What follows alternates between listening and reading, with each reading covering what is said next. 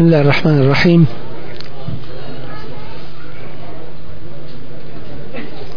الحمد لله رب العالمين.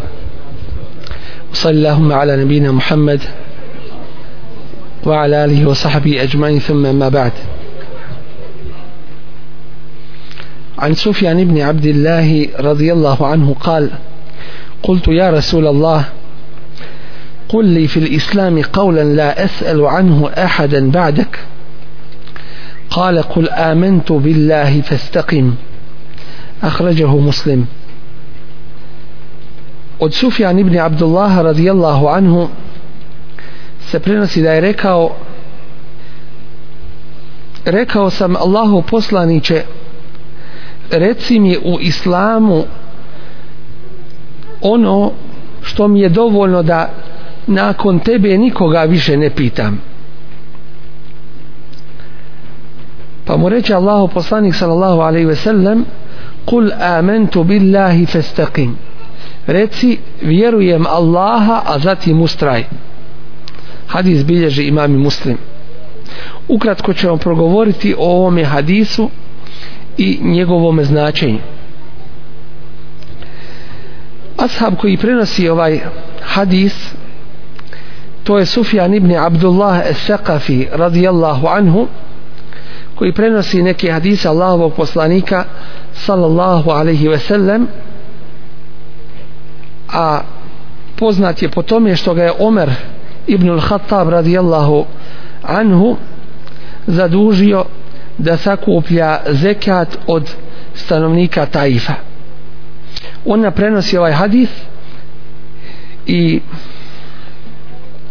u hadisu ovome se spominje iman to jeste amentu billahi vjerujem Allaha. Šta to znači iman? Šta je definicija imana? Iman u Allaha te bareke ve taala znači ubjeđenje da je Allah te bareke ve taala jedan jedini i ibadet njemu uzvišenom koji nema ni sličnog niti druga to jeste nema ravnog sebi. Dakle iman obuhvata kako i atikad ubjeđenje što je u srcu tako i ibadet Allahu te bareke ve taala kako u srcu tako u riječima i u ljudskim dijelima i to ne može se ibadet zvati ibadetom osim samo sa tevhidom Allahu te bareke ve taala.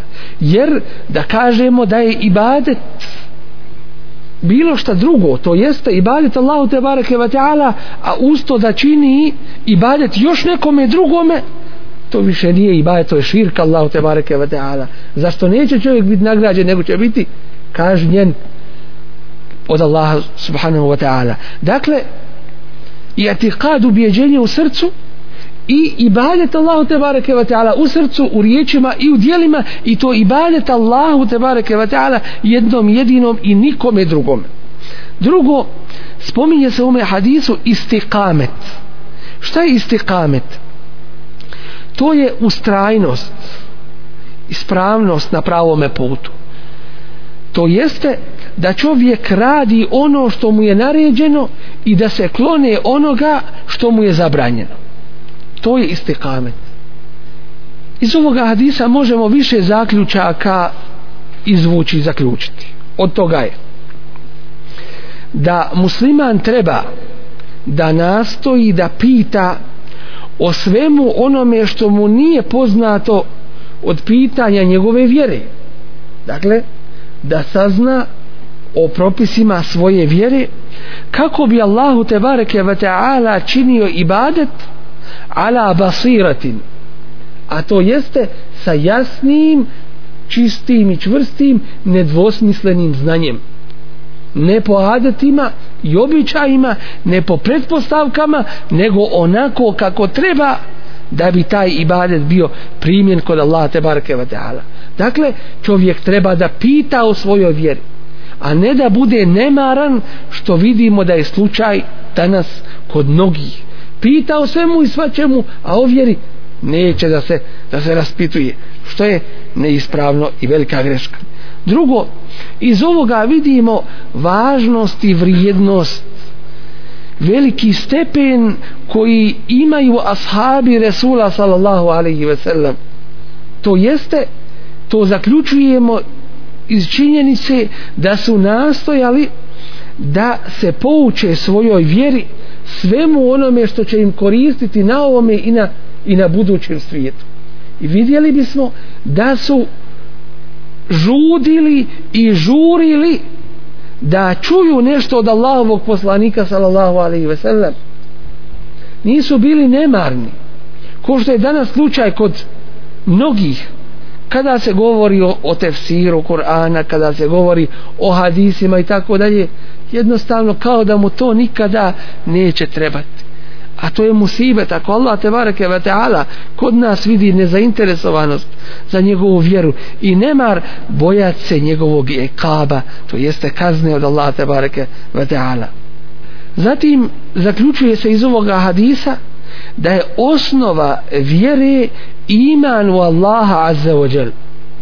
Osnova vjere je iman u Allaha te bareke ve taala. A objasnili smo već šta je to iman. Zatim dužnost i obaveza je svakog muslimana da bude ispravan da bude ustrajan u pokornosti Allahu te bareke ve taala. Time što će izvršavati ono što mu je naređeno i ostavljati, kloniti se onoga što mu je zabranjeno. To je dužnost i obaveza svakog muslimana. Zatim, zaključuje se isto tako iz ovoga hadisa da Allah te bareke ve taala ne prima bilo koje dijelo od svoga roba ako taj dotični ne vjeruje to jeste ako nema osnovu vjeri, ako ne vjeruje u Allah te bareke ve taala i ako nije ustrajan u pokornosti Allahu te bareke ve taala jer ovdje u ovome hadisu se spominje i kaže pouči me u islamu i o islamu riječima koje su mi dovoljne da više nikoga nakon tebe Allaho poslaniće ne pitam pa mu je on rekao ovo dvoje. A to je reci ja vjerujem. A to što kaže reci ja vjerujem prirodno je i podrazumijeva se da ne mogu riječi biti ništa drugo osim u u čemu? Osim u saglasnosti sa dijelima jer ako su riječi jedno a dijela drugo onda onda je to nifak, onda je to licemjerstvo. I na više mjesta u Kur'an se pominje, kaže vomine nasima je kul. Ima ljudi koji govore, koji govore, a djela su njihova drugačija. Znači kada se ovdje kaže reci ja vjerujem, znači potvrđuješ ono što je i onako u tvojim dijelima i ubjeđenju, a zatim ustraj. Šta je ta ustrajnost? Pokornost Allahu te bareke ve taala. I šesto što se može iz ovoga hadisa zaključiti jeste dužnost da čovjek sastavi ovo dvoje spomenuto a to je da se kod muslimana nađe iman i el amelu salih i dobra djela. Dakle iman bez amelu salih dakle ne može niti amelu salih bez imana dakle ni dobra djela bez imana ni sam iman bez, bez dobrih djela. Sve sastavljeno jedno s drugim i ne može se nikako odvojiti.